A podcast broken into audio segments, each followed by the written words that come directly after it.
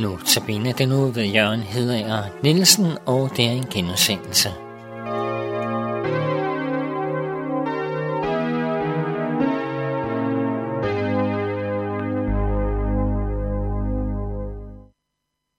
Kristendom handler ikke om, at vi skal forestille os noget om Gud. Kristendom handler om, at vi skal tage imod Gud, når han kommer til os. Vi skal kende Gud, som han præsenterer sig for os, ikke som vi synes, han skal være. Jeg kan ikke forestille mig, at Gud er kærlig, hvis han lader nogen gå fortabt, siger nogen. De forestiller sig, at de gennem deres egne tanker kan finde ud af, hvordan Gud er, eller hvad kærlighed er. Gud er kærlighed, siger Johannes i sit første brev, kapitel 4, vers 16. Det er det vigtigste, man kan sige om Gud. Dybest set kan man nok ikke sige noget mere sandt om Gud. Men hvis vi vil forstå, hvad det betyder, må vi lade Gud selv forklare det for os.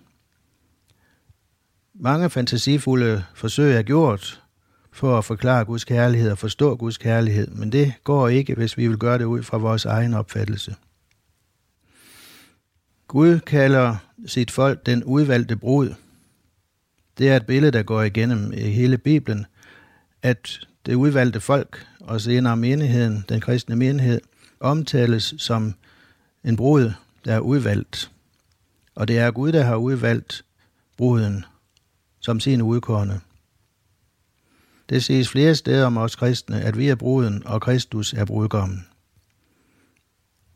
Der ligger i den sande kærlighed mellem brud og brudgom at man ikke ønsker at dele den udvalgte med andre.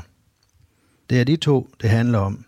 Og det fremgår tydeligt ved et bryllup og ellers, hvad der siges om ægteskabet. Det er de to, det handler om. Jeg ønsker, at min ægtefælle holder sig til mig. Der findes en sygelig jalousi, som vil besidde den anden. Men der findes også en nedkærhed, som er en ægte del af den sande kærlighed. Et ægtepar lover hinanden troskab. Det løfte gives i kærlighed. Svigter jeg mit troskabsløfte, så svigter jeg kærligheden. Og sådan er det også i mit forhold til Gud.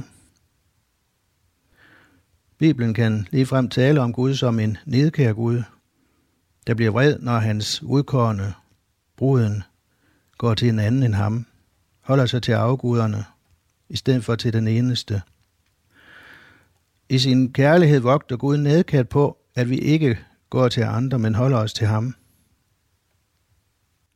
Vrede kan være en forfærdeligt ond ting. Der findes også en sand og sund vrede. Det er den, der opstår, når nogen vil holde mennesker væk fra kærligheden.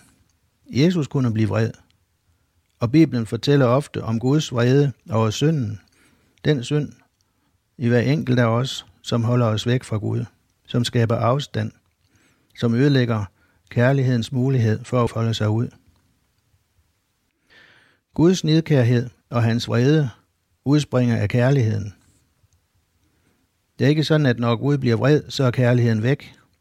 Det er kærligheden, der gør, at han bliver vred. Gud kan blive vred, men han er ikke vrede. Det bibelsted, vi kredser om i denne uge, hedder Gud er kærlighed.